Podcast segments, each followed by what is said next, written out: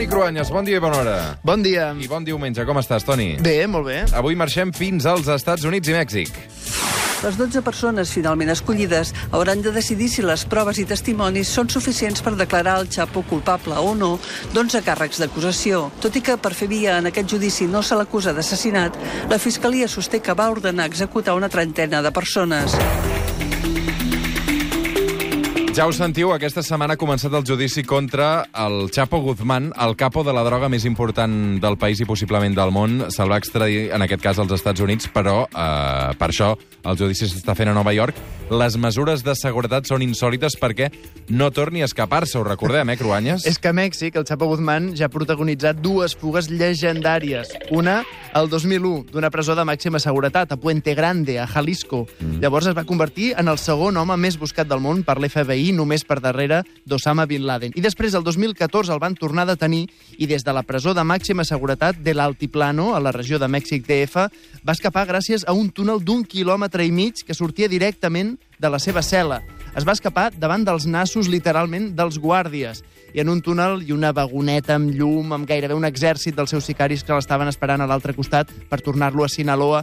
Una fuga tan ben orquestrada i reincident que era una burla contra l'estat de Mèxic i per això el govern mexicà es va empassar l'orgull i la tercera vegada que el va tenir entre barrots va accedir a l'extradició demanada pels Estats Units. Per això, ara l'estan jutjant a Nova York. Totes aquestes històries, Toni, et fascinen bastant, no? Sí. Històries de sí, pel·lícula. Sí. La història del Chapo Guzmán eh, és una bona excusa per parlar aquesta setmana amb el Toni també de les llegendes que corren al voltant dels narcos llatinoamericans i que han inspirat pel·lícules i, evidentment, sèries. Des d'aquest divendres, una de les sèries més descarregades de Netflix, aquest Narcos, s'ha estrenat ja la quarta temporada que trasllada l'acció de Colòmbia a Mèxic. També hi ha sèries com Farinya, que ha tingut Sí. un gran èxit explicant com va néixer el narcotràfic a Galícia als anys 80. Sèries de culte i de fa més anys, com Breaking Bad, o la més petarda, Sin tetas no hay paraíso, Aquesta ens la podem estalviar. ja van demostrar que genera molta fascinació el tràfic de marihuana, amfetamines, cocaïna o heroïna. El luxe de les famílies dels capos ha fet volar la imaginació de molta gent. Al mateix Chapo Guzmán se li atribueixen propietats per valor de mil milions de dòlars. La llista Forbes el va considerar el seu, en el seu moment tan ric que el va incloure a la llista dels homes amb més diners del planeta, amb el número 701 avions privats, finques amb pistes d'aterratge, milers de persones en nòmina. De Pablo Escobar s'explica, per exemple, que en una ocasió en què el perseguia l'exèrcit colombià, van acabar en una de les seves múltiples propietats on la calefacció no estava engegada i per escalfar-se ell i els seus fills va fer una foguera amb bitllets de dòlars reals. Es va gastar un milió de dòlars en una nit només per escalfar-se. Un milió de dòlars per eh, fer una foguera i escalfar-se en una sola nit. Eh, surrealista tot plegat, però surrealista no, perquè és realitat. A més d'accessos en les despeses personals i familiars, a aquests narcos també se'ls atribueix un paper gairebé com d'herois a la seva terra. Eren gairebé com terratinents que donaven diners a causes solidàries o ajudes pel desenvolupament de zones pobres de Colòmbia o Mm. Mèxic, com Medellín, Cali o Sinaloa. Donaven llocs de treball, eren benefactors, construïen infraestructures on el govern no tenia diners, eren un pare-estat i els seus capos molt més populars que els polítics. També d'això en feien ells política. L'acceptació popular passava que, perquè, per exemple, fossin els amos dels equips de futbol més importants del país. Així, eren els models dels més joves.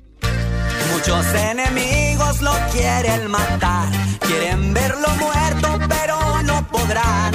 El cartel grande, está a reventar. Estoy orgulloso. I darrere d'aquesta admiració i d'aquesta fascinació pels personatges, eh, no podem oblidar que el tràfic de drogues ha estat sempre acompanyat de dues cares eh, molt menys heroiques i glamuroses, corrupció, sang i molta sang, no? Sí, mira, només a Mèxic es calcula que els narcos han provocat 200.000 morts i 30.000 desaparicions en forma de segrestos o directament d'assassinats en què encara no han aparegut els cadàvers. La violència extrema dels grups de narcotraficants ha fet tristament famoses noves formes de matar que ara estem començant a naturalitzar a les sèries i a les pel·lícules, com la corbata colombiana, que és una tècnica de mort que consisteix en tallar el coll a la víctima i fer-li sortir la llengua pel coll, talment com, talment com si fos una corbata. Tot plegat és molt macabre per aquestes hores del matí. Deixem una mica la violència de banda, Toni. No parlem de violència, però sí de corrupció. Per exemple, en el judici d'aquests dies a Nova York del Chapo Guzmán, un dels testimonis ja ha explicat com el càrtel de Sinaloa pagava suborns als càrrecs judicials o fins i tot a la Interpol per tenir cobertura i seguretat a les seves operacions de tràfic de drogues. L'encarregat de la regió de Mèxic, del Chapo, ha dit que tenia pressupostats, alerta, 300.000 dòlars mensuals per pagar suborns a tot tipus de policies o de fiscals. I també han sortit els noms dels dos últims presidents mexicans, els que els narcos haurien pagat part de les campanyes electorals, Felipe Calderón i Enrique Peña Nieto. Tots dos ho han negat, és clar. Però l'èxit de les xarxes privades i legals del narcotràfic sempre va lligat a una debilitat del poder públic, que necessàriament s'ha de deixar comprar. I el poder són persones, però també estructures de poder, tant li fa. I Amèrica Central ha tingut alguns països molt faltats d'una estructura política forta. Per això, les xarxes de narcotraficants hi han crescut. Per exemple, quan comença a fer-se popular la cocaïna esnifada, com a droga de moda per artistes o homes de negocis, els primers elaboradors d'Amèrica eren a Xile, però allà la força i el control de la dictadura militar d'Augusto Pinochet no deixava florir el negoci dels narcotraficants, així que es van traslladar a Colòmbia, un país políticament fallit, com ara és també Mèxic, i on la selva, la falta de control policial o el relativisme moral de classes socials molt pobres van facilitar que es poguessin fer trasllats massius de mercaderies. Ah, i l'altre gran ingredient per explicar l'èxit, que estaven molt a la vora del que seria el gran nou client, als Estats Units. En Chihuahua lo agarraron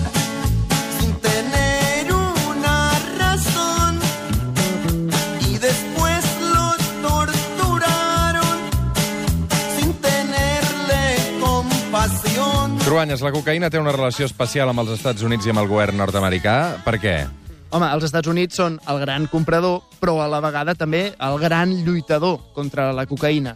Una anècdota, perquè vegis com d'ambivalent històricament ha estat la relació dels nord-americans amb la coca. Hem d'explicar que l'any 1886 aquesta droga era molt popular en el món científic. Els industrials farmacèutics la utilitzaven. De fet, a Europa també s'utilitzava. Es podia trobar en farmàcies en alguns llocs. Eh? Doncs els Estats Units van experimentar amb altres indústries com la de l'alimentació. I així, pels seus efectes vigoritzants i eufòrics, diguem, l'empresari John Pemberton va provar-ho en un refresc que de seguida es va fer molt popular, ja ho has endevinat, la Coca-Cola.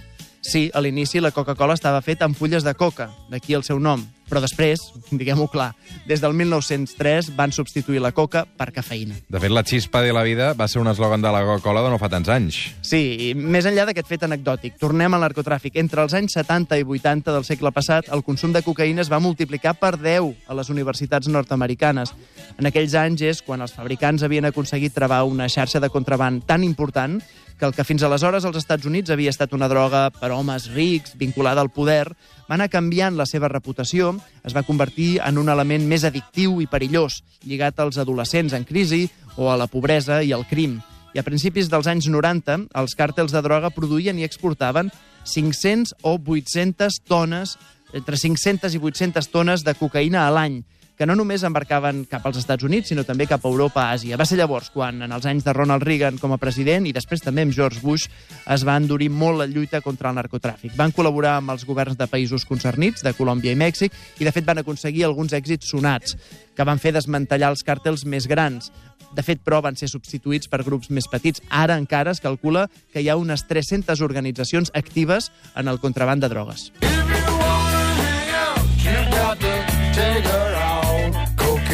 Per tot plegat, avui amb el Toni Cruanyes arribarem fins les 9 del matí amb aquest clàssic d'Eric Clapton, Cocaïn. Toni, una abraçada. Gràcies a tu. Aquesta nit a mirar Netflix, entenc, no? Encara no l'has tastat? La... Uh, a veure, sí, aquesta tarda una estoneta. Sí, Molt sí, bé. sí, vinga. Vinga, va, fins les 9, Cocaïn.